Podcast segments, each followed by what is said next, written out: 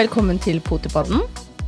Eh, I dag har vi ikke noe bestemt eh, hovedtema, men vi har tre-fire punkter som vi ønsker å snakke litt om. Og grunnen til at vi har valgt disse temaer, er spørsmål fra bl.a. Eh, lyttere og henvendelser fra kursdeltakere.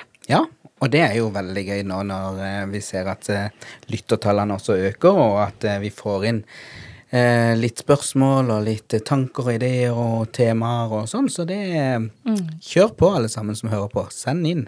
Og så er det jo litt med Engasjement liker vi. Engasjement. Det er det, er det vi Sitter håpte på. Ja. Ja. når vi begynte dette her òg, så var det jo det å kunne få et engasjement, engasjement og få folk til å kanskje tenke litt ekstra gjennom sitt eget underhold.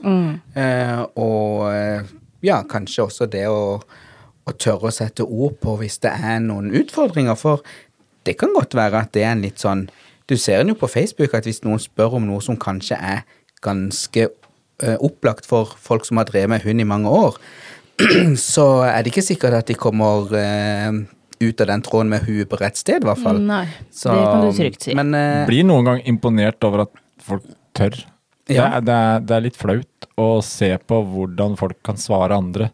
ja. For vi har egentlig Alle har vi en eller annen gang vært i de fleste situasjoner. Det er jo en grunn til at man lærer.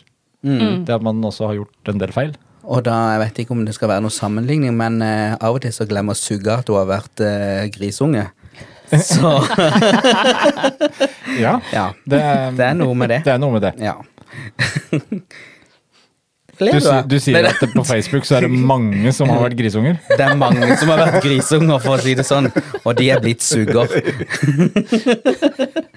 Men eh, ja, nei, det er veldig flott at folk sender inn eh, spørsmål og tanker rundt det å ha hund. Og også og, og mange ganger så er det jo gjerne hvis de trenger hjelp til noe, eller de er litt uh, usikre på hvordan de gjør ting og, og sånn. Så det, og, og det er igjen sånn som du har sagt, eh, Jeanette, flere ganger, at dette er jo våre opplevelser av våre erfaringer. Og det er ikke noe fasit, Nei. men det kan være et verktøy som en kan prøve. Og så kan en prøve det en liten stund, og hvis ikke det funker, vel, da må en finne på noe nytt. Og eh, hvis det er noe som en holder på med og trener på, og ikke det funker, og en har holdt på en stund, så er det ikke noe vits å holde på så veldig, veldig lenge. Nei. Men en må gi det litt tid. Jeg tenker, å prøve det to ganger, det er litt lite. Men å jobbe litt over tid, det, det bør det få en sjanse, i hvert fall. Og det som er litt fint med det at vi får inn spørsmål, da, det er jo at eh, vi må tenke litt òg. Eh, noe har vi kanskje akkurat brukt nylig, verktøy. Andre ting er det kanskje litt lengre tid siden vi har eh, brukt, og da er det jo fint at vi òg må eh, begynne å tenke litt etter, eller om det er noe som er litt eh, eh, man må sette litt ord på og forklare. Eh, for de som kanskje er ferske eller eh, på andre måter ikke har vært borti de samme tingene, da. Så må man sette seg litt uh, hva skal man si, ned på samme nivå. Ned, det hørtes fryktelig stygt ut. Ja, du, Eh. men det er bare det at vi gjør jo en del ting i hverdagen når man har flere hunder. Ja, det gjør Man vi også. går på noe automatikk. Mm. Og det som er morsomt, er jo når man får inn en del spørsmål, henvendelser, så må man plutselig tenke 'hvorfor gjør jeg det?' Mm. Og som du sier, man må klare å sette ord på det. At Mm. eh, Forklare det på en vetug måte, sånn at eh, alle kan forstå. Mm. Det var egentlig det jeg skulle fram Ja. til. det tok lang tid. der kom det inn et godt telemarksord. Vetug. Ja! Der, Ja, der vi sendes jo ut i distriktene, så det, det er bare flott, det. Ja. Ja. Det er kanskje noen langt oppe i Telemark som skjønte oss òg. Oi, oi, oi. Ja, det kom noen gamle innslag der, kjente jeg. Introdusere hund og barn. Ja. Barn og hund. Hund og barn. Ja. Mm. Eh, Valp mot valp. ja valp, valp mot valp. Bleie og bleie. Ja. Ja. Eh, du hadde vel noen eh, Eller fått inn eh, et Jo. lite spørsmål på akkurat det området der. Det er jo ganske mange, og kanskje også nå i disse tider hvor det er mange nye valpeeiere. Eh, og for, typisk her et spørsmål, og der antar jeg at familien sjøl ikke har barn. For det er spørsmål om hvordan introdusere best mulig den valpen for barn etter hvert. Mm. Når og hvordan man gjør det. Og da antar jeg at de har ikke barn.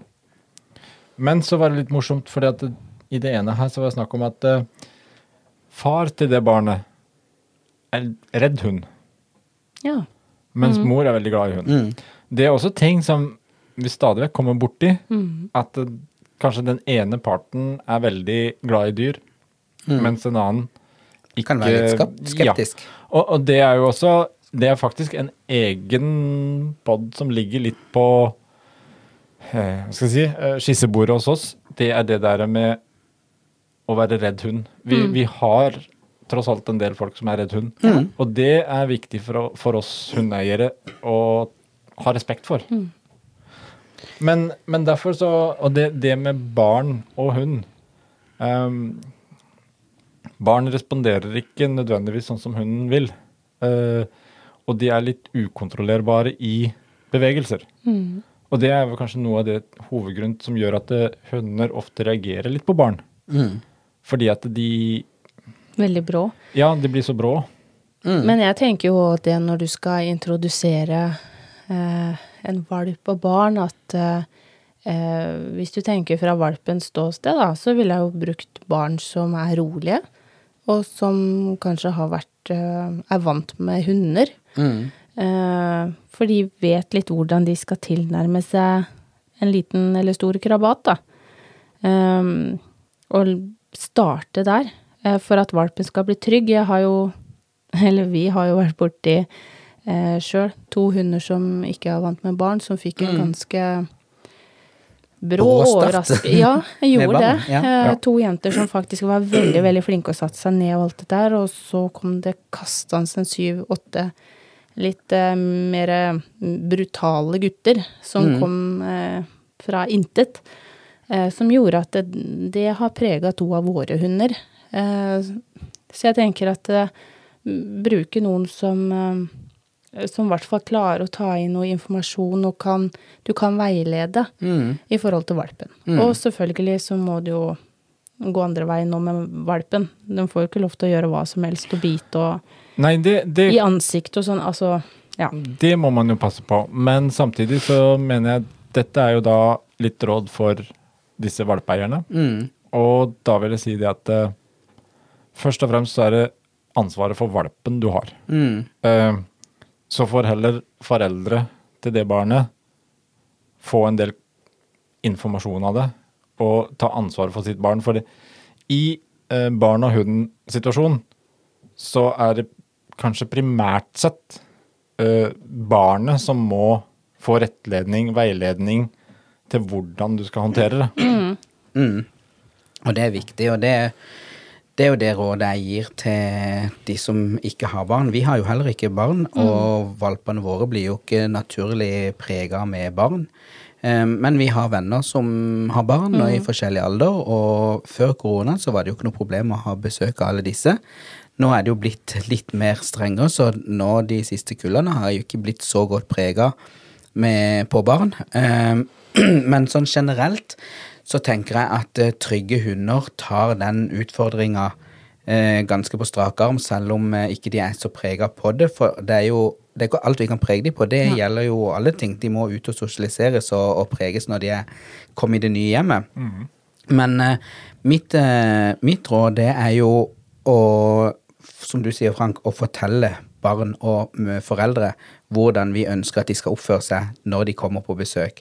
Og også informere de om hva du kan forvente av en valp som er en valpeting. Ja, de kan bite i fingrene, ja, de kan bite i buksebein eller i, i, eh, i gensere, og det er skarpe tenner. og si at det er jo en det er den formen valpen utforsker ting med.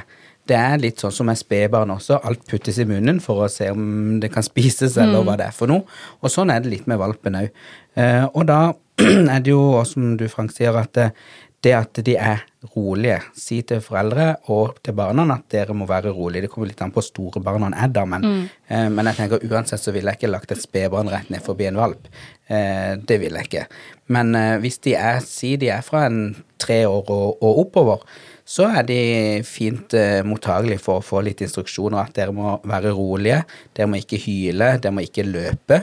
Eh, og så må du som valpeeier kanskje holde valpen på fanget, eh, eller sitte på gulvet. At dere sier at alle setter seg på gulvet, og så kan valpen gå litt rundt og så lukte og utforske de nye som er kommet, mens du som valpeeier må ta litt ansvar for å ta han vekk hvis den han begynner å bite litt, og sånn så ikke det blir de som kanskje ikke har erfaring med det. Så kan det være gjerne at ungene kanskje sparker etter hunden, eller skal dytte de bort med beinet, eller slår litt etter de, eller blir så redde at de begynner å hyle eh, og, og fekte med armene, og dette kan være skremmende for, eh, for en valp som ikke som ikke er vant til barn. For Ja. det, det er en reaksjon som, som er ganske ekstrem i forhold til hva en, intensjonen til valpen var. For valpen vil jo ikke gjøre noen noe vondt. Nei, Den vil jo egentlig nei. bare utforske, og så blir det tatt imot som en redsel. Og de lukter jo og opplever jo redselen til barnet jo at liksom Oi sann, hva skjedde nå?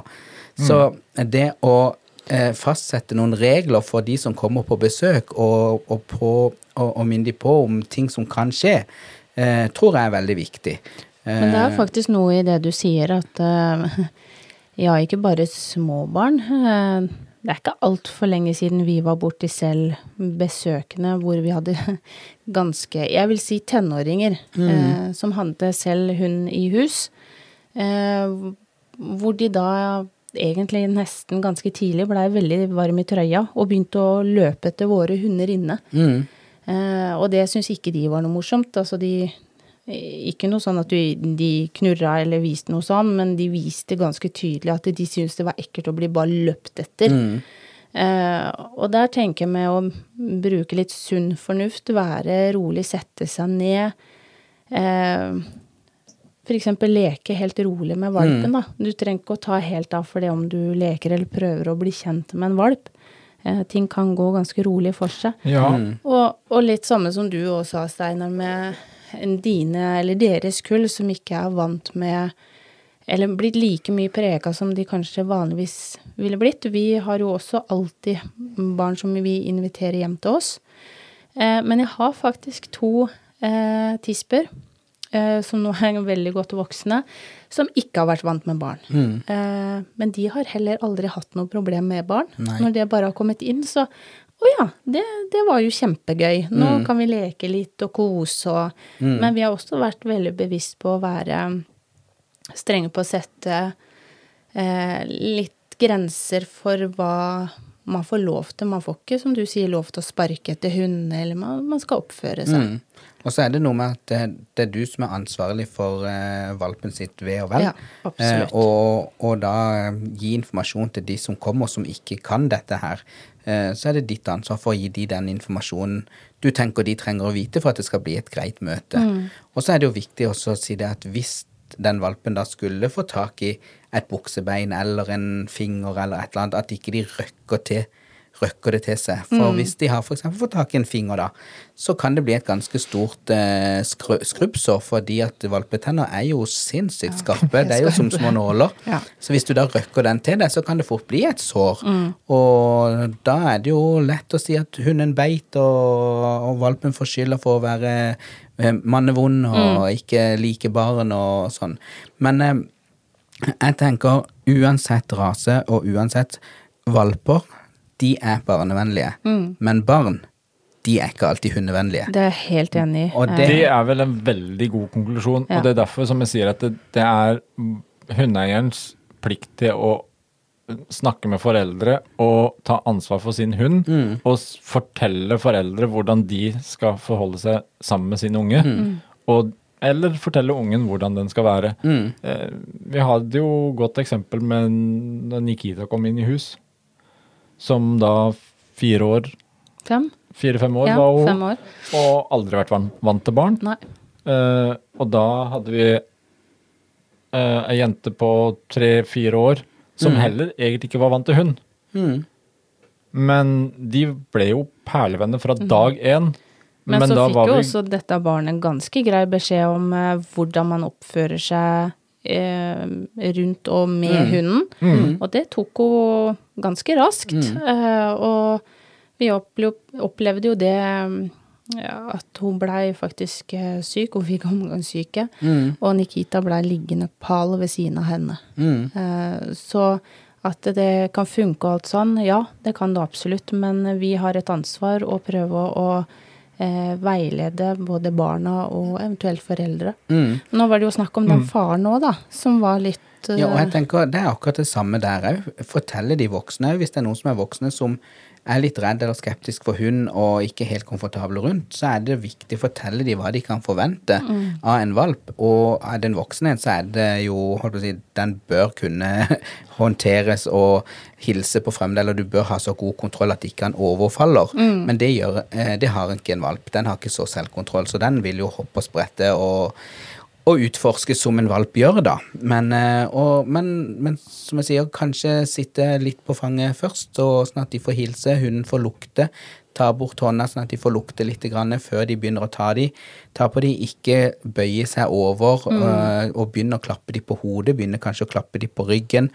Eh, kanskje bare stryke de, ikke sånn klappe-klappe, men stryke de rolig på, på ryggen og, og sånn. Brystkassa. Ja, Ja. og først og fremst kanskje bare sitte rolig og la hunden ta kontakt. Ja. Eh, for, fordi at det, det gir hunden ro til å analysere situasjonen sjøl. Mm. En annen ting er jo der, som vi snakka om når du nevnte det med faren som er redd hund, og mor som er glad i hund. Mm. Er du litt usikker på situasjonen der, så ville jeg jo sagt at kanskje bare barn og mor skal komme på besøk først. Mm. Fordi er du først litt redd hund, det har vi også sett eksempler på, at det, kan fort smitte over på barna. Mm. Så for eksempel, la mor komme på besøk med barnet først, og så får barnet en god assosiasjon til valpen. Så kan Og eventuelt så da kan man far jobbe være med. da på et Ja. litt annet nivå når du har med et, et voksen menneske å gjøre. Og så er det jo også det som vi må tenke på, at det er jo instinkter og de tingene som ligger i hunden, feil fra de er små.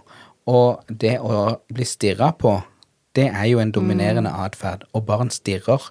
De er Ja. veldig for store øyne når de blir oppspilt, Ja. og så stirrer de veldig på det som de syns er gøy. Ja. Og så treffer de kanskje øynene til valpen og stirrer på den valpen, og den valpen begynner kanskje å gjøre ting som han føler seg litt usikker, for han vet ikke om det er en dominant vesen som står der. Eh, og så, når da det barnet da ser denne valpen inn i øynene og går mot med åpne armer fordi han vil kose, så har jo barnet gjort seg stort, og det gjør jo hunder i dominans. De stirrer, de gjør seg store, hever pelsen opp med halen, gjør seg så stor som mulig. Dette barnet blir større når armene kommer ut.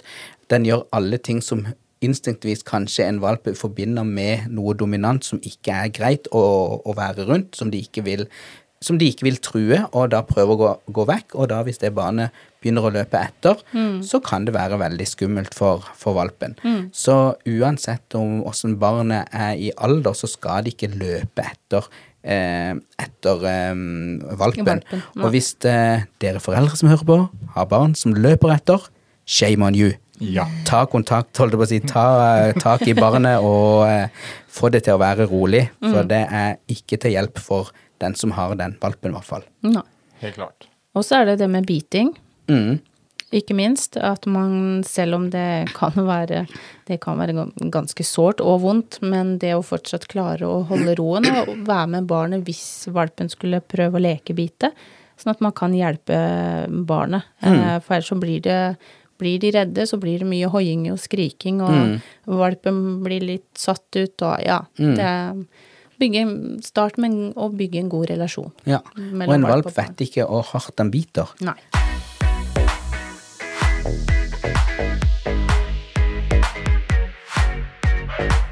Da har vi, skal vi hoppe på neste, eller? Ja, det gjør vi. Uønsket atferd. Mm. Det er noe vi ikke vil ha. Ja. Det, det er ikke det vi har mest lyst på. Da var vi ferdig med det temaet, var det ikke? Jo, Jo, Jo. da var det over. Ja.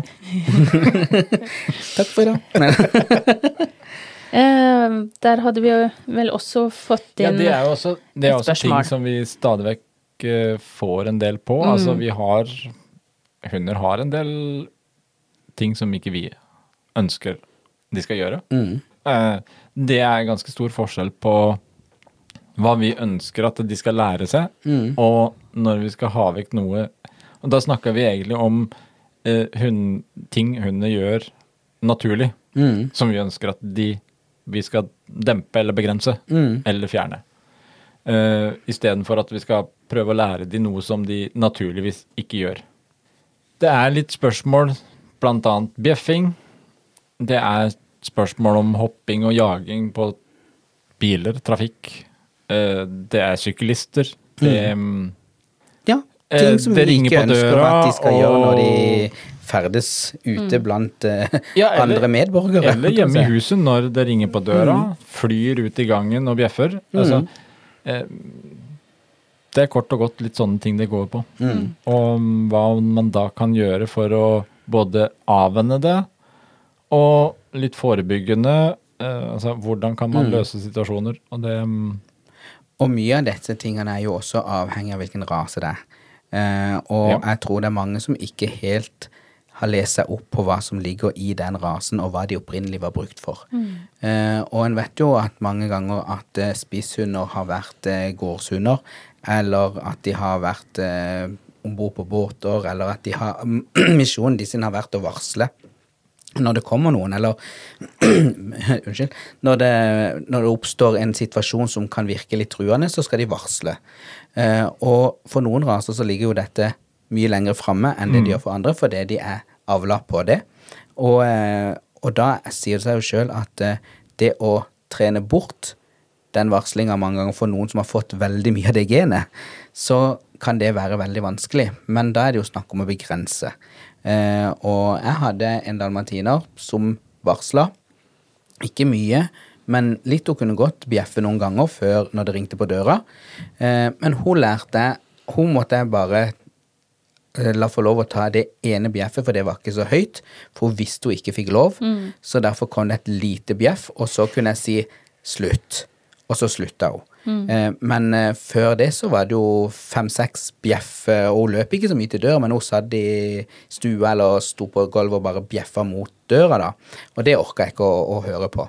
Sånn at eh, jeg fikk eh, trent det ned til å dempe det såpass at hun det ene lille bjeffet ble så svakt, for hun bare måtte ha det ut.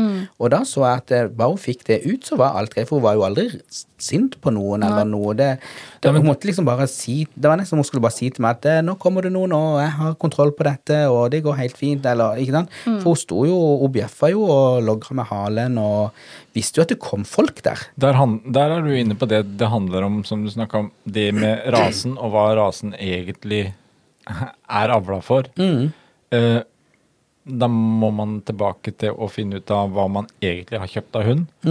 Eh, kanskje man skulle gå tilbake og si at kanskje man skal velge en annen type hund. Fordi at eh, har du en varsler, så, så er det jo det en skal gjøre. Mm. Og da når en klarer det ene lille bjeffet og sier at du, Steinar, det kommer noen.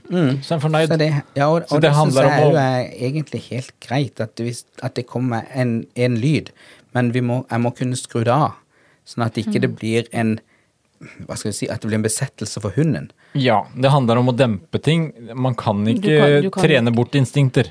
Nei, du, det var akkurat det jeg skulle til å si. Du kan jo ikke For det får vi ofte spørsmål i forhold til vår rase og det med jaging av biler og syklister og sånne ting. Eh, så kommer spørsmålet kan dette trenes bort. Eh, og jeg tenker at hvis det er et problem for deg, så må du faktisk se til en annen rase. Mm. men du kan dempe det. Ja, det tror jeg virkelig at du kan. Men å fjerne det helt? Nei. Mm. Men det handler det er mer om en- å dempe og kontrollere. For det er jo en jeger, og de blir jo trigga av ting som fyker fort av Mm. gårde. Det skal jo de innhente. Og biler fyker fort av gårde. Ja. Og syklister fyker fort av gårde. Et lite blad fyker fort av gårde i vinden. Så det er veldig mange triggere i hverdagen som gjør at eh, det instinktet hos eh, eh, kan våkne. Mm. Sånn at, men, men det kan dempes, Ja, og du kan trene på å avbryte. Eh, så godt Mm. som nesten hver gang, men så, er, så må du alltid ha i bakhuet at dette ligger i hunden. Mm. At det av og til så blir lysten for stor Mm. til å gidde å høre på den eventuelle kommandoen. At det, det som kan potensielt ligge som en belønning i å løpe etter, er større enn den belønninga du får for å, å avbryte øvelsen, da. Sin egen øvelse. Å bytte ut en helt stor bil eller et rådyr med en liten godbit, ja, Nei, den er ikke så enkel. den er ikke så enkel, den. altså. Jeg skjønner de godt. Men man må kunne Nå blir jeg sikkert hengt, men man, man må kunne korrigere. Og da mener jeg ikke med at man trenger Altså trenger Man skal ikke slå eller den slags, men man må kunne korrigere. Man må kunne bruke eh, et ord, om det er paprika eller nei eller hva det er, men noe som hun faktisk forstår. Eh, erfaringsmessig så eh, når våre først har fått inn at de skal jage, så ser jo jeg jo at da hjelper det ikke med sitte, ligg, bli, hva som helst, for da, da kortslutter det. Altså de bare blokkerer. Eh, så da må jeg bare stoppe helt opp, og så må jeg bare vente eh, til bil og alt har gått forbi, og få roa ned igjen. For jeg, jeg når ikke inn. Jeg trener jo veldig i neien, Mm. men når jeg bruker neien hardt, hvis en kan si det, da, at det blir sånn nei, da er det jo fordi at det er en potensiell fare for hunden Mm. sjøl. Jeg bruker ikke den neien bare fordi han lukta på En blomst? en blomst som jeg ikke ville at han skulle lukte Nei, på, altså, eller nei, nei. fordi han kikka på kikka på noe som bevegde seg, eh, akkurat, og jeg vet at ikke han løper etter, eh, så hadde jeg ikke Kanskje på en Basseni, at hvis han hadde fått eh, sett en sykkel, så hadde kanskje han Nei! Bare for å Mm. se at Å ja, ok, greit, det var den. Så bra! Flott! Vi går heller denne veien. Ikke Mm. sant? Og få avbryt før der, da.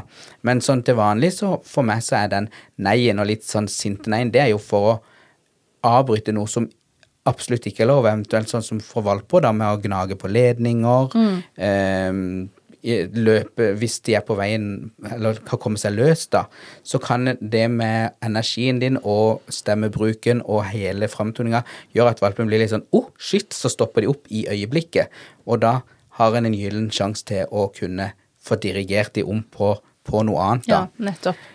Det er um, veldig godt, eh, godt poeng. Det å få jobbe Altså for å kunne jobbe med en utfordring, så må de også kunne ha lært inn eh, noen kommandoer eller mm, ja. Ja, og spesielt det der vi er inne på når vi snakker om uønska atferd her, så er det jo pri én å snakke om korrigering. Eh, og da, altså, du, da, da hjelper ikke om du har all verdens av godbiter og belønningsbaserte ting og sånt noe. Du må inn med det neiet eller korrigering. Og jeg er jo veldig fan for å kalle en spade for en spade. For Ja. det er korrigering vi gjør. Det det. Og mange tenker å ja, men det, det, det, ikke, det er så negativt å korrigere. Og så sier de ja, vi kaller det for omdirigering. Så sier jeg hva du kaller det, eller hva du, hvilket ord du velger å bruke for det, det, jeg gjør det samme, og du gjør det samme, men vi kaller det forskjellige ting. Vi ønsker å avbryte en atferd på en måte som er greit å gjøre, som eh, ikke er i eh, konflikt med hundevelferden og, og sånne ting. Men eh, det er det vi gjør. Vi korrigerer de. Og jeg syns det er like greit, for det er noe alle forstår. Jeg må korrigere den atferden. Ja, og, det, og det forstår valpen også. Og Vi sitter jo ak- akkurat og ser nå på syv-åtte uker gamle valper som nå Tenk at de blir korrigert noen ganger i løpet av dagen. Mor Ja. syns at Ja. dette går litt for vilt for seg når Mm. de herjer. Og det er så fascinerende å se på hvordan hun eh, enkelt, effektivt går og korrigerer de, Mm. og får dempa de, og jobbe med de én etter én Mm. for at de skal på en måte skjønne hvordan det er. Og jeg har enda ikke sett at hun spytter ut en godbit. Nei, det har hun ikke. Og det var litt som, som vi snakka om i en annen podd det at eh, for hunder som lever i flokk, så er godbiten det å få lov å være i flokken. Ja. Og være en del av det samfunnet. Det er godbiten for en hund. Og nå har jo vi beholdt en valp hjemme. Og det var vel i går så holdt den på å leke sammen med mammaen sin. Eh, Og mora leker veldig fint og sånn, men så begynner valpen å prøve seg på puppen igjen. Og det var ikke lov. Og hun er ei kjempeflink mor, så hun ligger nede. Hun reiser seg ikke opp, men hun blir liggende. Og den valpen ser du begynner å snuse seg fram, og jeg ser jo hva den har tenkt til å gjøre. Og så blir vi egentlig sittende og se, for dette er veldig spennende å Ja. se på, og, og du lærer jo så mye om instinktene og hvordan ting gjøres. Og så begynner valpen med labben forsiktig på maven til mora, og så ser hun på mora. Og mora gjør ingenting. Og så snuser hun litt til og så dytter snuten ned mot maven der som puppene er. Ja. Og så tar hun opp hodet igjen, og så ser hun på mora. Og ingenting skjer. Og så tar hun første lille prøvesuttet, og da kommer det en dyp brumming fra mora. Og liksom, mm, liksom Den holder du deg unna. Ja. Og så skjer det ikke noe, og da blir valpen tøffere. Og så, tar han, så hører jeg det kommer et par sånne små smattesutt, og da brøler mora. Da er det bare ikke sant? Og ned med munnen og tar tak over eh, snuten på valpen, og Ja. hun hyler. Men hun stopper. Ja. Og så prøver hun med det, og da går hun, reiser hun seg og går fram til mora, eh, til hodet, og legger seg på rygg foran mora og spreller med beina opp, akkurat som bare 'lek med meg, da, lek med meg', og ligger på ryggen der og spreller og, og lager små eh, sånn koselyder og, og sånn, og mora slikker på henne og dytter litt på henne, og så er de ferdig med det. Ja. Og det er en enkel måte å beskrive på hva som skjer i, i naturen. Sånn er det. Og, og det er derfor jeg hele tida sier at vi må lære oss hundespråket. Vi må se Ja. hva hundene gjør, for å kunne tilnærme oss på en best mulig måte og kunne gjøre det nokså likt. Men Eh. i forhold til det med, med biler og, og hopping, eh, trafikk og sånn, så er det jo litt sånn som du sier, Steinar, at man må eh, lære seg å Nå sier jeg ikke at den personen ikke har lært seg det, altså, men eh, lære seg å se signaler. Se hunden sin. Eh, kan man se noe på forhånd når det f.eks. kommer en bil, en syklist? Kan man se at eh, den begynner litt sånn flakkende med blikket? Skjer det noe med kroppen? Alle de tinga der som man kan eh, se og kanskje være i forkant. Og begynne å se at ja, nå må vi begynne å jobbe, nå må jeg gjøre noe, nå må jeg få kontakt. Eh, hva funker? Mm. Eh, for idet de er i det, så kan det være vanskelig, i hvert fall med noen hunder, å, å snappe de ut av situasjonen. Mm. Eh, så bruke kommandoer, som vi har snakka om tidligere. Ja. Eh, Vi fikk jo inn et spørsmål om de ti, ti på topp-kommandoene, eller som vi syns er viktig at uh, hunder kan. Ja. Og, og det er et veldig spennende tema, for det, um, det ligger mye i disse kommandoene.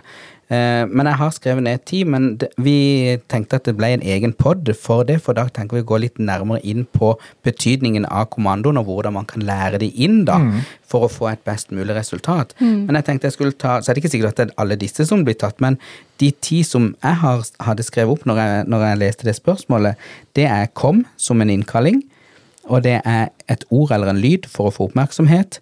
Det er sitt, dekk, gå og legg deg, rolig, gå fint, gå bak, vent og slipp.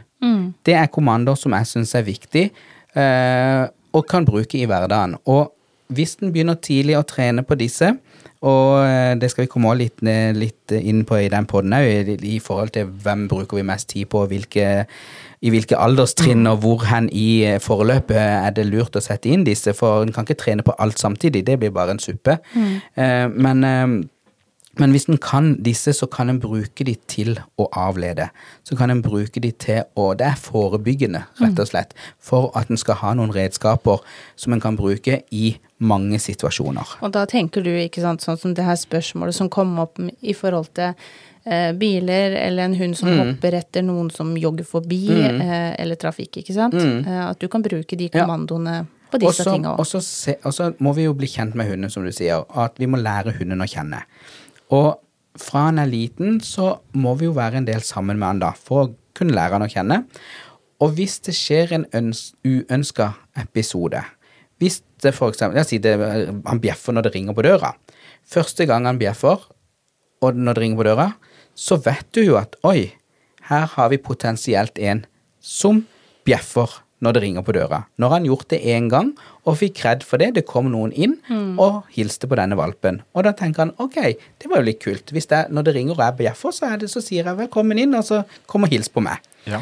Men det ønsker en jo ikke, ikke sant? Og da er det å begynne å trene avledning. Og hvis en da vet det, og at en får besøk, ja vel, så må en være forberedt. Si til de som kommer på besøk, da, si, send en melding når du står på utsida. For da, når du ringer på, så kommer jeg til å trene valpen med en omdirigering, eller en, eh, hva var det vi kalte det? Korrigering. Korrigering. Eh, og så eh, Eller gjerne en kombinasjon eller en av kombinasjon av de, selvfølgelig. Men, eh, og da er det jo mange ganger det å lære hunden gå og legge seg. Så i det det ringer på, så får du oppmerksomheten med det lyden eller det ordet. Og så, eh, og så eh, har du godbit. Det må være en god godbit. Og så får du hunden hen til deg. Du roper 'innkallinga kom', og så kanskje tar med en godbit i kurven. Og så legger en del godbiter der, så han har noe å holde på med. Eh, Så når en har gjort det noen ganger, så vil kanskje hunden da forbinde det plinget på lyden, nei, på, tel nei, på telefonen, sier jeg, på eh, Døra. døra, at det kommer masse godbiter i senga. Og det må du gjøre. Da må du også avtale at ring på, ring gjerne på to ganger, og så skal jeg kaste godbiter i senga, sånn at hunden løper bort dit. Da har du fått en annen atferd enn det du kanskje hadde. Men du men venter du lenge med dette, sånn at de får lov å bjeffe og bjeffe, og, og, du, og helt til du syns dette blir veldig plagsomt, da er det veldig mange ganger for seint til å gjøre det. For dette er ganske lettvint, men da er det så innarbeida at det er vanskeligere å snu. Så jo lengre de klarer å få lov til å holde på med ting, og det samme er hvis du er ute med valpen, og, em, og du er på et jorde, så kommer det noen løpende som du ser litt lenger borte, og så begynner valpen å løpe imot.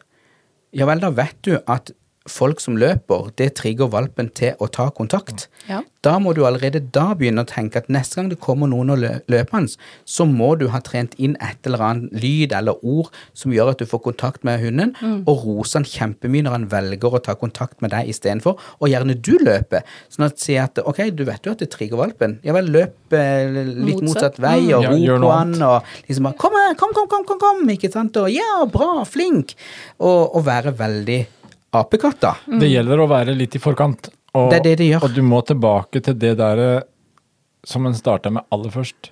Det Mm. viktigste med hele hundelivet er jo kontakttrening. Mm. For du er nødt til å ha kontakt med hunden for å kunne avlede, for å kunne forebygge, for å gjøre noe som helst. Du kan ikke trene noe du ikke har kontakt med. Nei. Det går ikke. Så Men det skal vi snakke mer om absolutt. i den podden med de Den topp ti-podden tror jeg fort kan bli lang.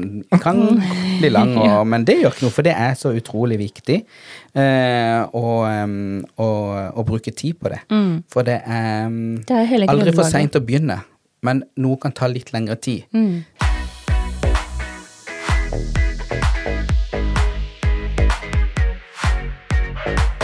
Eh, Vi hadde vel eh, et spørsmål eh, til Frank i forhold til Du hadde en veldig fin tittel på det. Ja, vi, vi har mange, mange spørsmål rundt det. Eh, vi hadde et tema som vi fant ut at skulle hete 'Like barn leker best', eller rasisme. Ja. Er de rasebevisste? Ok. Ja, Eh, det handler litt om det er forskjellige et spørsmål som har kommet inn. Nei, det er mm, flere. Ja. Som ja. egentlig handler om det der okay. at Mm. hvordan noen hunder kan gå fint sammen, Mm. mens andre plutselig ikke gjør det. Ja. Og det opplever vi jo i forskjellige sammenhenger. Mm. Uh, er det fordi at en sjefer ikke liker en samoyed, eller en vipped ikke liker en basenji, eller ja. Mm. Eller er det heller kanskje mer med individer, Mm. tror jeg. Eller hva mener du, Jeanette? Nei, jeg tenker jo på eh, sånn som, sånn som jeg leser mine egne hunder, min egen flokk, eh, så kommer det vel så mye på energien og individene mm. enn at det akkurat er en samoyed. Eh, klart noen er, raser er jo kanskje litt mer, eh, hva skal jeg si, yppig frampå. Mm. vi har jo med vår rase litt sånn utfordring i forhold til De har et litt annet kroppsspråk eh, enn andre hunder. Og de har jo ørene helt på stilk. De er jo rett oppå hodet, og halene er jo rett oppå ryggen. Mm. Og de er jo veldig stirrende. Mm.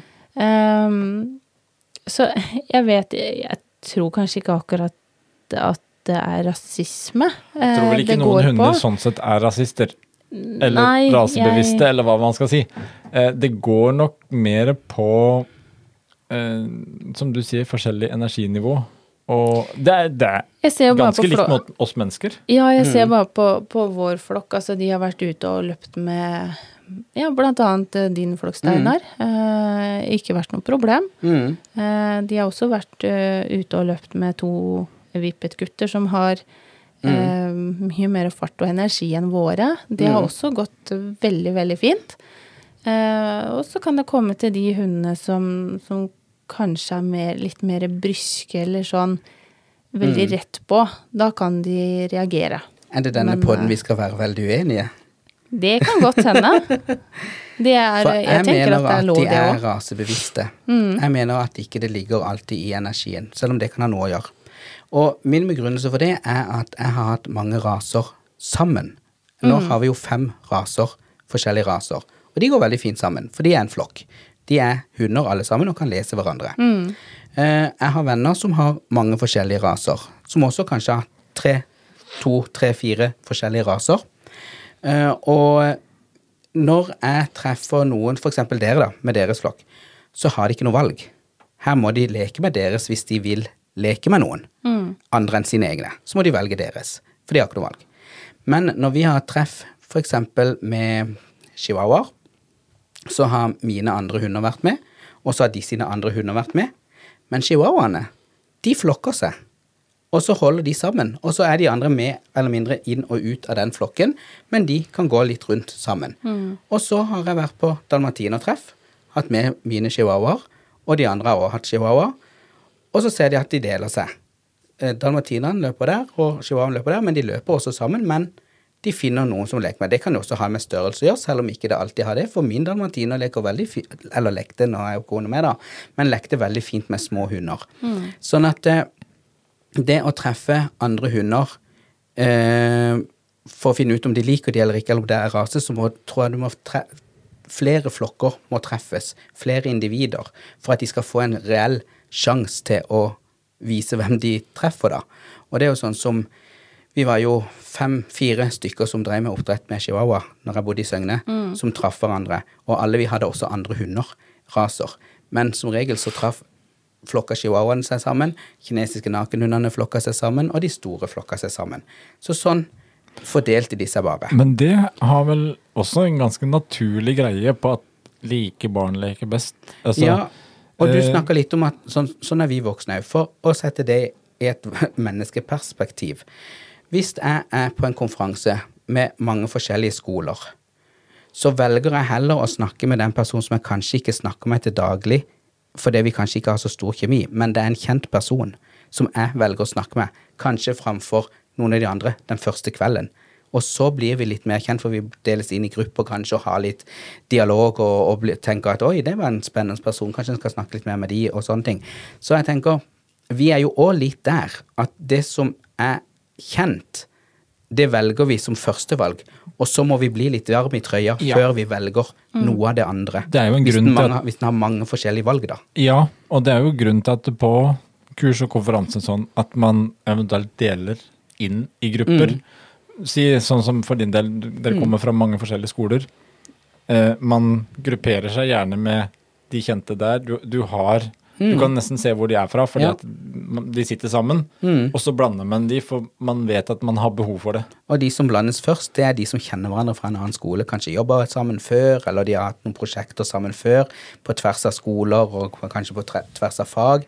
Eh, og, og sånn, sånn at de har en, en link til hverandre før, så de står mange ganger i midten Ja. og snakker, og så, og så når det skjer noe, så forsvinner de til hver sin skole igjen. Og sånn tror jeg det er med, med hunder òg, at eh, de kjenner igjen noe i seg sjøl i den andre rasen. For de er jo samme ras, eller de er jo samme art. Akkurat som vi er samme art.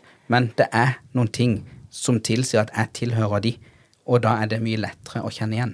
Men hva tenker du med da hvis en hvit gjeter eh, bor i samme hus med en basenje, og de er ute og leker, og det kommer en annen hvit gjeter som ikke din hvite gjeter kjenner? Vil den da velge basenjen, min- eller vil den velge hvit gjeter? Den vil nok velge basenjen, fordi den er, Det er eller, den For det er en flokk. Men det som er spennende, det tror jeg at basenjen som kommer til oss, vil nok valgt vår bassenje, og ikke vår hvite.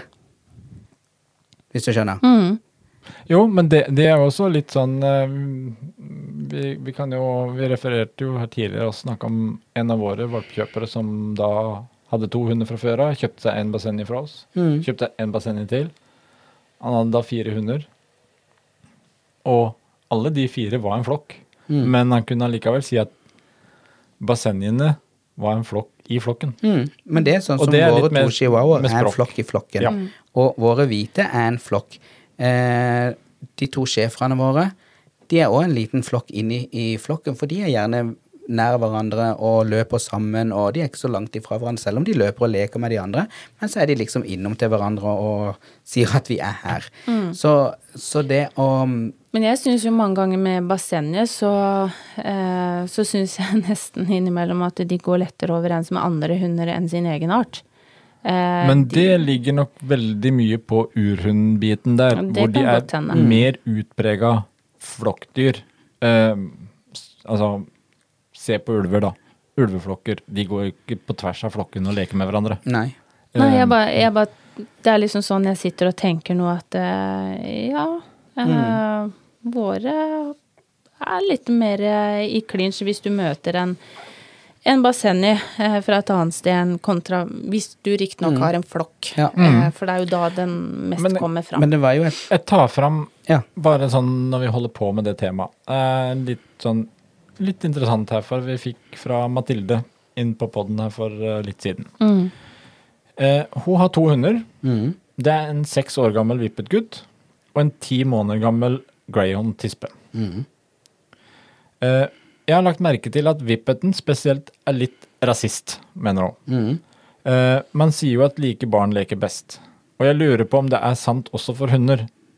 Han kan leke herlig sammen med andre mynder, mm, men i møte med polarhunder spesielt, kommer piggene ut med en gang. mm. Gjeterhunder kan også bli skikkelig irritert når han løper, og da smeller det litt iblant. Mm. Hva tenker dere om det? Er det krasj i instinkter, mistolking av forskjellig kroppsspråk, eller rett og slett rasisme, som hun sier? Mm. Jeg tror det er mistolking av kroppsspråk. Eh, fordi de ikke er samme rase, men samme art. Så er noe kjent, så han blir jo ikke redd for de andre.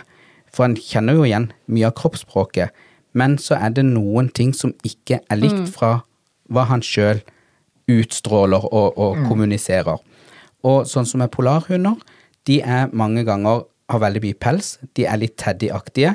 De går litt teddyaktig, for de er mange ganger litt korte overarmer, sånn at de kommer litt sånn vaggende teddybjørnaktig. Og litt store.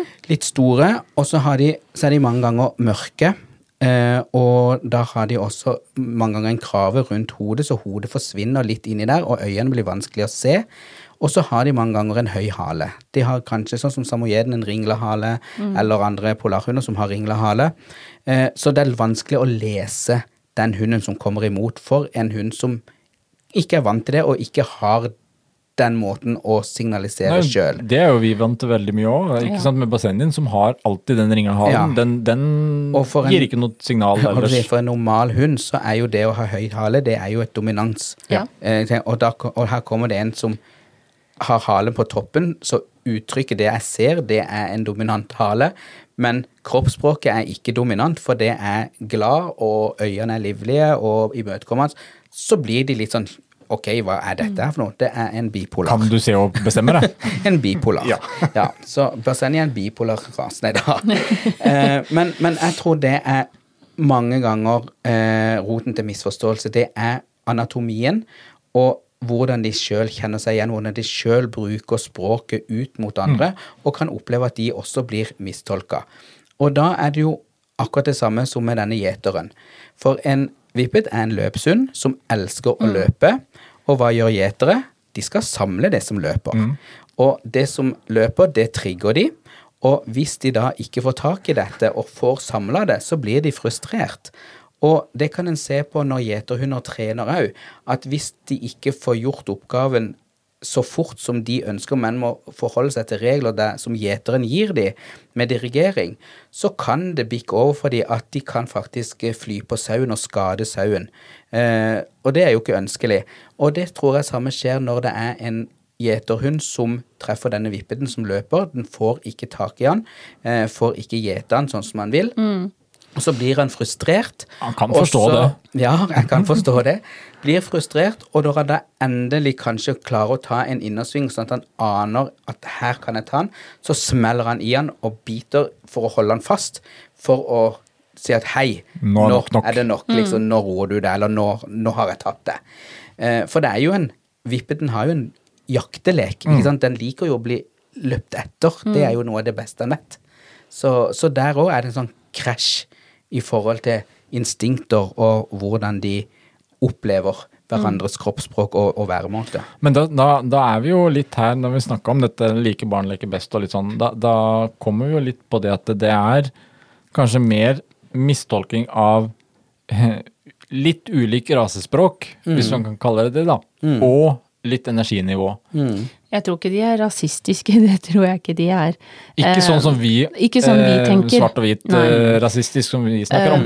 Jeg ser jo bare det med Det som Steinar sier òg, det er litt interessant med de høye halene. og For vi har jo en nabohund eh, som Den er ikke lik, men den, den har jo mye av det samme utseendet som Basenio. Det er en, en svart elghund.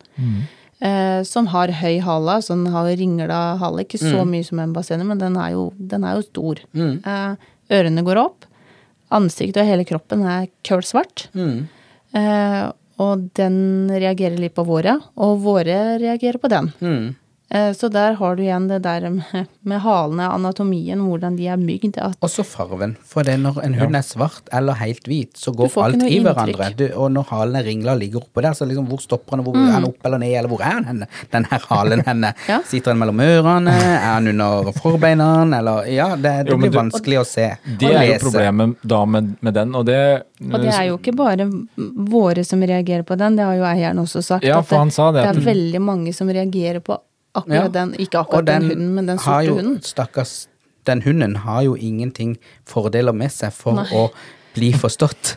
Eh, og, og det er jo veldig dumt for, for den hunden, så den hunden opplever nok mye Misforståelser. Ja, og, og kommer opp i situasjoner som den ikke er tjent med bare fordi han ser ut som han ser ut.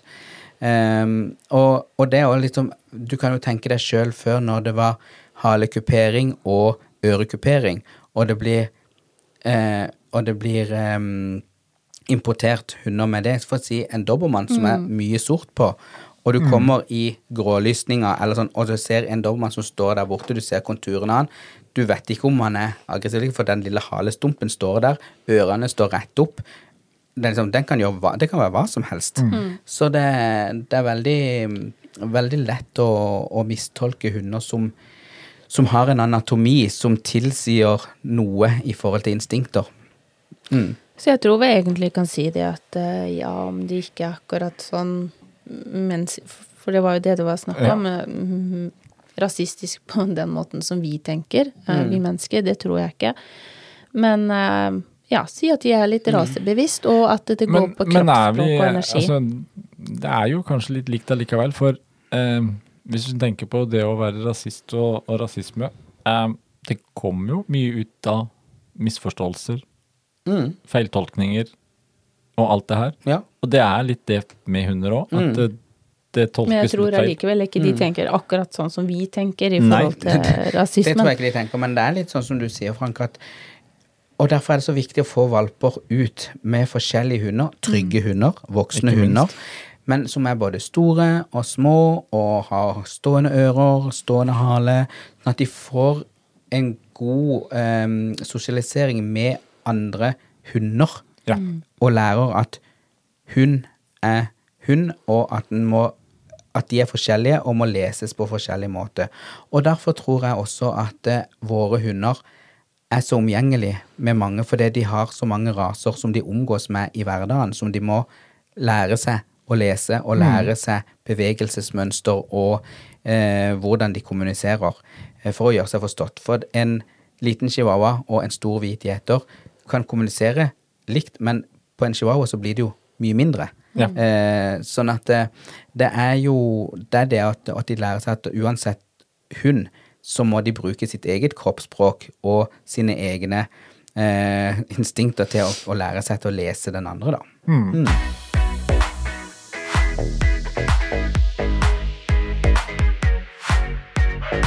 Så kan vi jo gå over, over på avl og oppdrett. Eh, eller det vi har kalt for eh, avl og oppdrett. Det er jo et um, jo Stort tema. Ja. Da går det fire timer til. Nei. Uh, Men Frank, vi kommer til å komme med en pod som går eh, enda mer retta mot dem med oppdrett.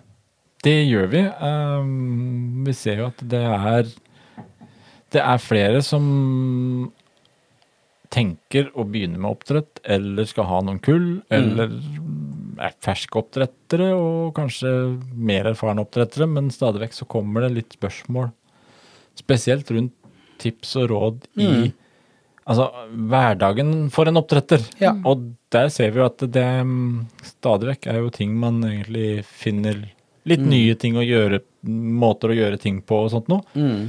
Så vi samler nok en eh, episode. Og der igjen, eh, Facebook eh, har mange gode spørsmål, men får veldig mange dumme svar.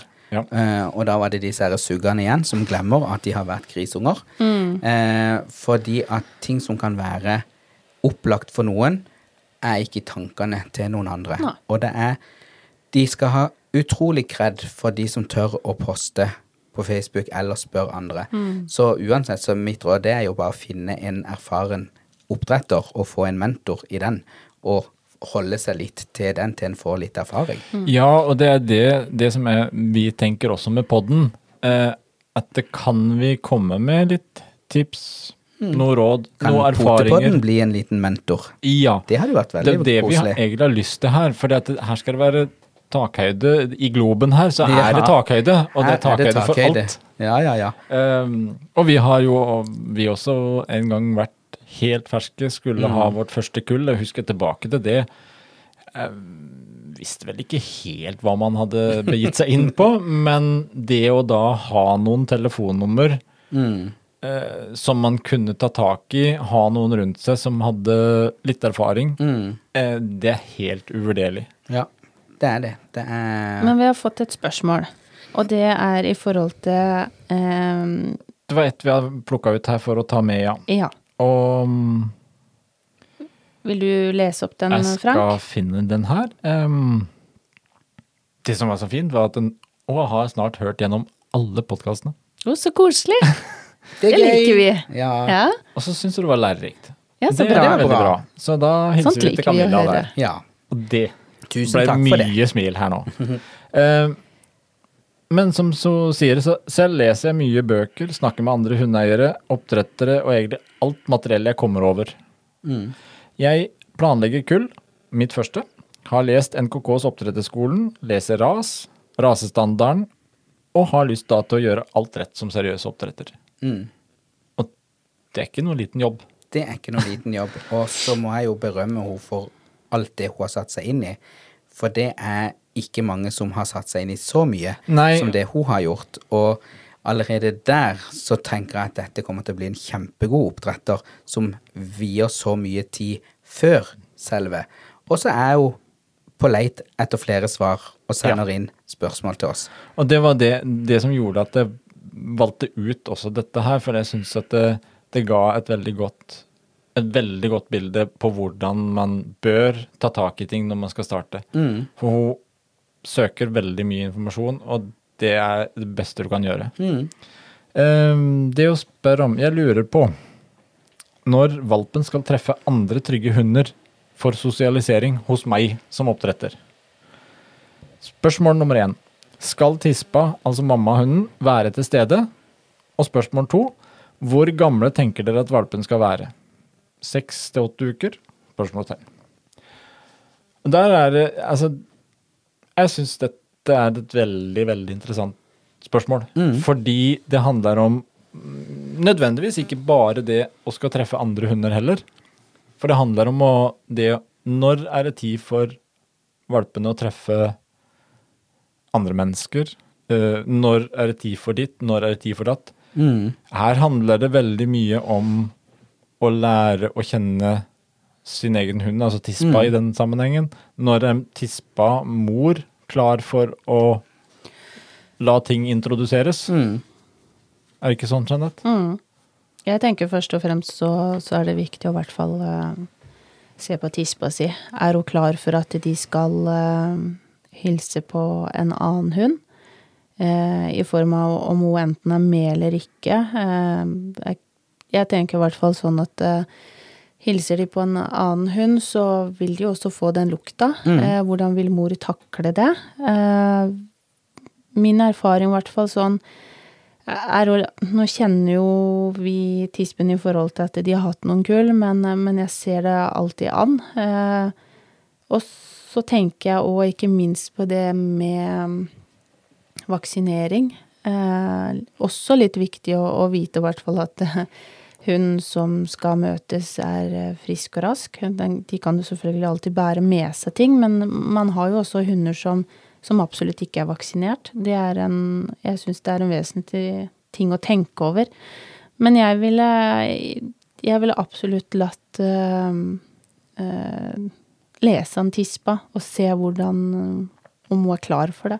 Men jeg er litt sånn Jeg tror nok at jeg for, for vår del eh, hadde nok valgt at valpene kunne få hilse uten sin mamma. Eh, så sant mora er Ja, det er ikke sikkert du er enig, Frank, men det er, det er sånn jeg tenker, da. Eh, jeg vet ikke hva du tenker, Steinar, hva du Nei, ville jeg er helt enig med dere i at eh, her er det Her må du kjenne tispa di. Dette er ikke lett å svare på. Dette er ikke lett, for det er så individuelt. Og Alkohol. jeg har jo den ene chihuahuaen som jeg, jeg har, som har hatt valper. Verdens snilleste chihuahua. Liker alt av hunder og dyr, og er vant til å omgå store hunder og små hunder, og har ikke noe problem med det. Ingen gneldrehunder, ingen som går i forsvar eller noen ting. Men når hun blir mor, da er det et sant H for andre i nærheten. Da er det av mennesker så er det bare meg som kan være oppi den valpekassa fram til de er tre og en halv uker. Til og med mine foreldre eller venner som har hatt mye med den tispa å gjøre, de blir bitt, hun sitter i fingrene eller løper rett i beina på dem og skal ha ja. dem vekk. Ehm, andre hunder, eh, gjerne flokken òg, kjeppjager hun. Eh, så der må jeg ta vekk tispa selv for egen flokk fram til de er fire og en halv, fire, fire og en halv uke. Da er det akkurat som hun sier nå er dere store nok til å kunne klare dere sjøl. Nå trenger jeg passe på dem, nå skal dere få lov å ut og eh, oppdage verden. Jo, men det der er jo litt fascinerende. Mm. Eh, hvordan hun på en måte passer på til et visst punkt. Mm. Altså, hun har full kontroll på at altså, de er for små. Mm. Dette her har jeg ansvar for. Mm. Fram til de da er gamle nok til at ja, men nå tåler de noe. Nå. Ja. Og jeg husker det første gang, for jeg fikk besøk først av ei venninne som har hatt masse med mine hunder å gjøre. Og skulle opp og se, Hun driver jo med chihuahua og skulle opp og se valpene og syntes jo dette var kjempegøy. En nytt kull og uh, brukte ny hannhund, ikke sant, og se valpene åssen de er Åssen de ser ut i kroppen og hodeform, alt dette her som en oppdretter syns er gøy. Og så eh, kommer hun bort, så jeg bare Ja, jeg bare går bort og ser, liksom, de ligger oppi der og sånn, og så plutselig så Så jeg, jeg var bare på kjøkkenet eller noe, skulle hente noe å drikke, og så plutselig så sier hun Hun beit meg! Jeg bare Hæ? Ja, hun beit meg! Hun hoppa rett i fingeren på meg. Jeg bare OK. uh, hvorfor det, tror du, liksom? Å Nei, jeg gjorde jo ingenting. Jeg bøyde meg bare ned, så skulle jeg bare ta hånda litt nedi, men ikke Jeg skulle ikke ta de, liksom. Jeg skulle bare Eller det, Ja. Hånda kom litt nedi, og så fløy hun rett på. Så jeg bare Shit. Ja, ok. Da vet vi jo det. Eh, og så så, så, så kom pappa på besøk noen dager etterpå. Så sier jeg du, bare stå der borte litt, jeg skal bare, skal bare teste noe. og så, Stakkars så pappa. nei, så tar jeg opp henne fra valpekassa og sier jeg, bare kom litt nærmere, så, sånn at du er en meter fra, fra meg. Og sånn, så sier jeg bare stå stille, for nå skal jeg sette henne ned, men det kan være hun flyr i beinet på deg. For da visste jeg jo, og det var litt sånn første gang hun gjorde det, ok. Jeg må jo få sjekka det ut, og, og hadde det vært en rottweiler, så hadde jeg ikke gjort det, da. Mm, nei, nei. Men uh, det er jo begrensa hvor, uh, hvor fort en uh, chihuahua kan drepe en voksen mann, liksom. Men eh, jeg satte henne ned, og hun begynte å knurre. Og så å flekke tenner, og var skikkelig sint. Ja. Ikke vist noe tegn når jeg løfta henne, og hun så pappa, og jeg holdt henne, ingen noe tegn. Mm. Idet jeg satte henne ned, så begynte hun å knurre og vise tenner og, og var sint. Mm. Og så sier jeg til pappa, tør du ta ett steg nærmere, bare for å se hva hun gjør. Og han tok ett steg, og bam! Der satt hun rett i eh, buksebeinet. Ja. Så tenkte jeg, da visste jeg ok, greit, vi skal ikke ha noen inn og se på disse valpene på en god stund ennå. Eh, og jeg pleier alltid å ha de andre i flokken vekk fra mor og valper, for de får Ehm, det, det er min måte å gjøre det på. Mm. Jeg ser jo andre som har tisper sammen og, og alt sånt, så tenker jeg ja vel, men da er det de sin måte å gjøre det på. Men jeg skjermer alltid det kullet fra de andre i flokken. Og Det bortsett at de skal få ro, tenker jeg. Eh, men så går det jo en periode at uh, når de valpene er halvannen uke eller en uke, så må jo mor ut på do, og så av og til så går hun på do sammen med noen av de andre tispene som er ikke noe, ja, som er rolig og greie, da. Og da prøvde jeg jo det med hun òg, men der er hun illsint på de andre tispene. eh, Eller de, de andre hundene, og fant ut at ok, da trenger hun ikke det, for jeg trenger, hun trenger ikke å stresse seg opp. Så, så gikk det jo litt sånn dann og Vannet måtte jo prøve å se og sånn, men så var det en Så var det rundt fire, fire og en halv ukers alderen. Da, da var det akkurat som Det løsna. ja. Ja. Og så tenkte jeg at neste gang hun hadde kull året etterpå, så tenkte jeg, husker jeg jo, for jeg har jo aldri hatt noe tispe som har vært sånn, eh, så husker jeg jo det. Og akkurat samme da òg. Mm. Jeg så tegnene med en gang og fikk den noen som kom på besøk til å bare gå ned og, og hørte murringa. tenkte ok, greit, hun er sånn. Så hun må bare få tid. Mm. Men så er det jo andre som vi har nå, da, som bryr seg katter om hvem som kommer inn og kikker på dem, for vi har jo hatt venner oppe. Dere var jo der en gang når eh, de nesten var helt nyfødte. Ja, det var bare Og- noen timer. Ja, og inn og kikke. Mm. Men det, der var jeg også såpass trygg på at det var greit, Mm. egentlig. Mm. selvfølgelig så kunne det skjedd, det var jo egentlig med hun her òg. Men det som jeg har gjort annerledes, eh, det er første gang når jeg eh, inviterer noen inn og ser, så er jeg med. Mm. Det gjorde jeg jo ikke den gangen med den chihuahuaen. Da gikk jo jeg på kjøkkenet for å hente noe å drikke. Mm. Og så sa jeg til henne bare gå hen og se, for hun kjenner jo hunden. Mm. Og hun har jo vært der, hun har jo passa hunden og gått tur med hunden og hatt hunden hjemme hos seg. Så, så det var jo ingenting som tilsa at det skulle være noe sånn.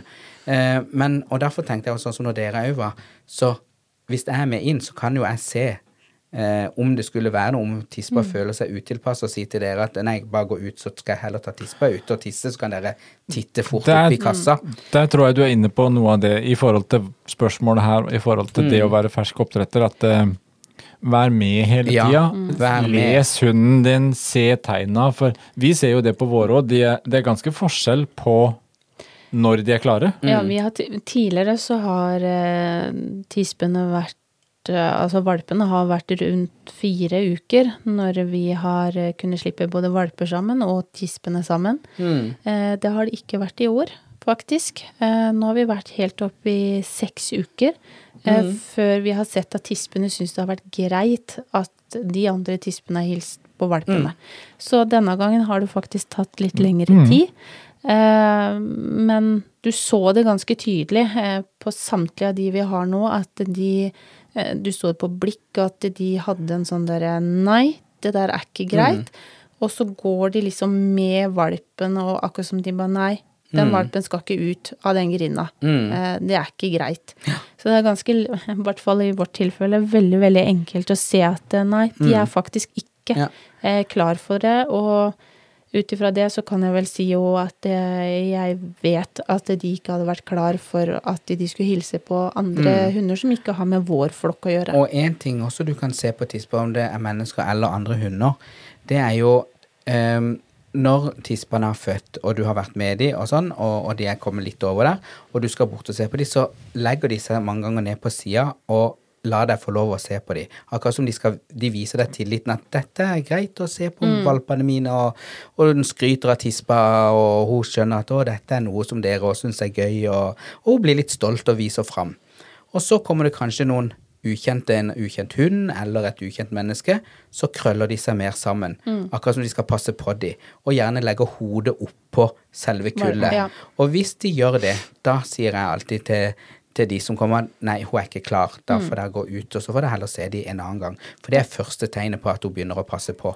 Hun sier ingenting eller noen ting, men bare en sånn som mange tenker, å, se så søtt, hun passer på det, og, og sånn, og så skal de allikevel bort, så tenker jeg, ok, da får du skylde deg sjøl hvis du sitter i fingeren, eh, eller verre.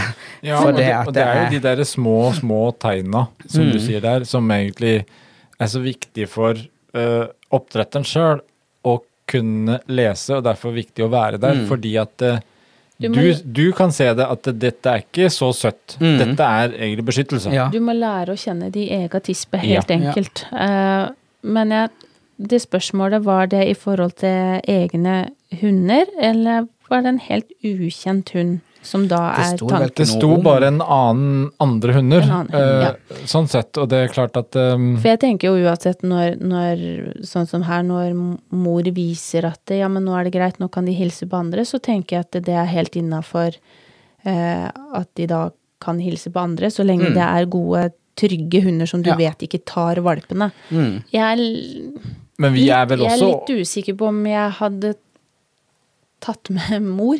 Um, Ja, ja og, og der igjen, det, det er det du som tispeier synes- som må ta den avgjørelsen om, om valpene skal få lov å, å hilse. Vi har jo snakka om å ta ned ei av våre tisper Ja, som skal hilse på dere. Det må vi det snart få gjort. Ja, men det er, jo, det er jo litt der også. Jeg tenker, Det kommer litt an på situasjonen. Fordi at vi venter vel til rundt i hvert fall seks til åtte uker.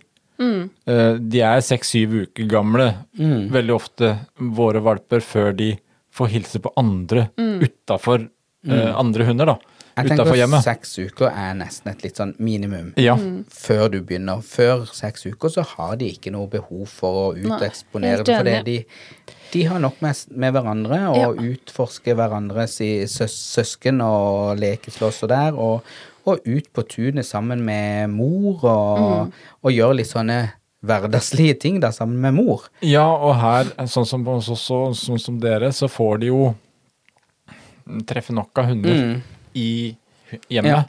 Uh, men du merker jo også på valpene, sånn når de blir sek mellom seks og åtte uker, Mm. det er mye mer oppmerksomme, mm, søker mer blikkontakt. Altså, de er mer hunder Mm. Ja, enn små hjelpeløse valper. det er det Men de så er. tenker jeg òg at de har eh, etter hvert behov for å møte, som Steinar sa tidligere, både store og små hunder.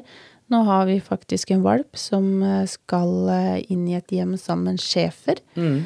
Og det er litt størrelsesforskjell på, på de to. Og der tenker jeg det er viktig at denne valpen også får hilse på større hunder, så ikke det blir en sånn kjempesjokkopplevelse. At det kommer jo det beistet. Eh, Og så- er det kanskje viktig for de som har denne schæferen, at de er trygge på at den klarer å omgå små hunder, og klarer å lese de. Uh, og eh, det behøver ikke å være noe stjerneeksempel av en storhund som er rolig og sånn, men da må eierne vite det, og vite at de må sette noen grenser og være til stede og hjelpe den store hunden til å ha en oppførsel som ikke skremmer eller skader den lille som kommer i huset. Ja. Så, så jeg kjenner jo flere, ja noen av våre jo, er jo så ville og gale når det kommer valper og, som syns det er så gøy å skal leke med, sånn at vi, må- vi må jo begrense og, og atskille i perioder for at ikke det skal bli bli noen uh, kjedelige hendelser med Ja. noe knekte bein eller uh, skremt eller sånne ting. Og så må de introduseres litt etter litt. Mm. Og det jeg husker vi hadde med, med to av våre valper eh, opp til dere. Uh, og deres vittigheter, de løp jo mm, bare rundt og snuste, og de her kjenner bare Oh my god, så mange svære hvite beist på ett og samme sted. Så de blei stående litt sånn der, hva er det her for noe? Og så så det etter hvert, liksom, når, de, når deres hunder da ga de rom for å komme og snuse, og de brøy seg ikke så mye og sånn, så begynte det liksom å tine opp litt. Og det er jo litt sånn viktig uh, Sånn som når dere sau ble litt sånn Jøss, hva er dette for noe? Står litt på avstand og vet ikke helt hva de skal gjøre. Du ser de er litt utepass, for det, dette er jo helt nytt. Uh, og så er det de fleste av våre hunder bryr seg ikke, da, for de, de leser de hundene såpass godt. Men så er det av og til at de tenker oi, ja, men nå, nå går jeg bort. Men da avbryter vi de. Hvis vi ser at de andre hundene syns dette ikke er så ple så avbryter vi de og sier nei, du skal ikke bort til den ennå. Uh, og det hører de på, og det er det jeg å tenke at det er vår oppgave som de som skal lære de nye, eller for vi skal ha så kontroll på våre hunder at vi kan Vi skal vite hvor, hva de er gode for, holdt jeg på å si, for å kunne sette de i sånne situasjoner. For hadde det vært en hund som vi tenkte ja, ja, kommer han, så er det jo greit, men det kan være at han ikke kommer òg, og begynner å jage denne her hunden. Da blir det jo ikke noe bra. Og for det første så får jo den hunden som er litt redd, den får jo en skrekkopplevelse. Og den hunden som kanskje ikke hørte, fikk jo en belønning for å ikke høre. Den fikk jo lov til å gjøre det han aller helst ville. Så det er veldig viktig at eh, folk med store hunder, eller som har hunder som skal sosialisere små, at de vet hva de har for noe sjøl. Det er vel kanskje egentlig nesten viktigere at eh, både da oppdretter til den valpen og hundeeieren til den andre hunden er med i situasjonen, enn tispa, Mm. Det er mye viktigere, egentlig. tror jeg. Fordi at, det, altså, at man er der så man kjenner sin egen hund, Ja. og kan avbryte. Og så vil jeg jo egentlig si at det er ikke noe fasit på det her med når det er riktig tid eller ikke for, eh, for valper og mor eh, å møte andre hunder. Du Nå du må snakker jo jeg ut fra egen erfaring og bare, og, Ja. og, og som jeg sier, som vi sier, det, dette er våre erfaringer, Ja. og det er de vi snakker ut, og det er ikke noe fasit, som du sier. Nei, og jeg tenker at det er noe med Det er ikke noe fasit, men eh, lese, lese hunden sin. Eh, se alt fra litt større tegn til litt små tegn på eh, Kan hun vise noen form for at hun eh, ikke er komfortabel med det? Eh, rett og slett, helt enkelt. Men du jeg må lese tenker at eh, når de er seks uker, så Hvis du er fersk sånn som hun her er, som er fersk på kull, eh, så tenker jeg at når de er seks uker, så har de så er de såpass store og såpass eh, fått litt erfaring, og at de mentalt bør kunne takle å møte snille, gode hunder. Mm. Eh, Helt enig. sånn at eh, eh, etter hvert som en har hatt kull, så lærer en å kjenne valpeatferd og mors atferd og sånne ting. Mens, mens eh, når de er seks uker, så kan de fint være en time uten mor eller to og treffe en annen hund, som du sier.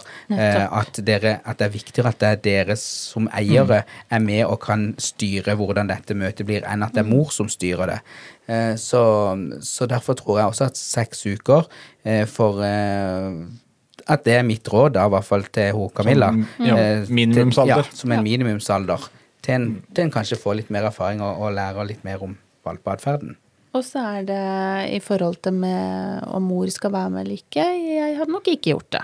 Nei. Eh, Av forskjellige årsaker. Ikke Men, når de eh, er seks uker. Da kan de begynne å få litt god erfaring, for da kjenner de jo oppdretter òg, tenker jeg. De, du, vi har jo vært så mye med de at vi, de kjenner oss. Ja. Ja.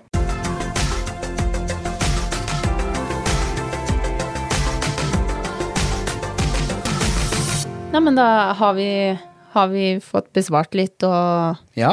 Eh, Veldig spennende litt- spørsmål, egentlig, Ja. som krever at en tenker litt igjennom og og grave fram litt egen kunnskap i forhold til Mm. erfaring og, og sånn. Og, og jeg personlig syns jo det er veldig gøy å kunne dele erfaring Mm. med andre, og så får de ta det som, som det det er. Det Ja, også, det. det også er er det, litt, det er litt morsomt å kunne dele erfaringer fordi man, det, man blir litt mer bevisst sjøl òg Mm. på hva man egentlig gjør, og hvorfor man gjør, hvordan man gjør ting. Mm. Og så er vi enige om noe og uenige om noe annet. Og det er veldig Eh, bra. Og noe er vi, har vi ja, forskjellige oppfatninger for, og det er det jeg tenker at det er det som også skaper kunnskap. Man må vri og tenke litt på hodet, og, og det fins ikke én fasit. Mm. Uh, Og det er litt sånn Nå er jo vi oppdrettere begge to, Mm. eller alle tre.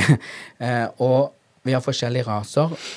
Og vi, kan, og vi er såpass trygge på hverandre at vi kan være uenige uten, å, vite, uten å bli usikre på om det ligger noe mer bak. Mm. Og derfor tenker jeg òg at eh, Camilla som ny oppdretter bør finne seg en, en person som hun stoler på. Eh, og så er det mange, mange svar. Like mange svar som spørsmål og Ja. oppdrettere. Så prøv å finne en, en oppdretter som har drevet på med hund og oppdrett i kanskje gjerne innen samme rase eller nærliggende rase, eh, og, og få som litt mentor. Og så ta utgangspunktet der, og så får du erfaringer hele tida, sånn at du men du har noen små grunnsteiner, og det er jo litt det som vi tenkte her med Potepodden, da. Og kanskje vi kan være med og hjelpe å bygge noen av disse grunnsteinene. Ja, vårt lille bidrag. Ja. Kunne dele litt grann sånn. Og det er jo, altså når det gjelder det med oppdrett og sånt nå, så jobber vi også på CK Akademiet med en egen oppdretterveileder. Mm. Eh, Online-kurs der. Eh, kurs, veileder, mere. For å egentlig ta den biten der med oppdrett i praksis. Eh, alle de her små spørsmåla man kommer over hver gang. Mm. Eh, litt tips og råd og litt sånt noe, så det utover våren nå så kommer den også litt på plass. Mm. Eh, vi skal informere mer om det. ja. Mm. Tusen hjertelig takk for eh, alle spørsmål. Ja. kjempegøy. Fortsett å sende inn. Eh, Vi sitter her og er eh, veldig klare for flere både spørsmål og utfordringer og det meste, vi. Mm. Så tenker jeg, vet du, vi eh, snakkes neste torsdag, Steinar. Ja, det gjør vi. Vi snakkes.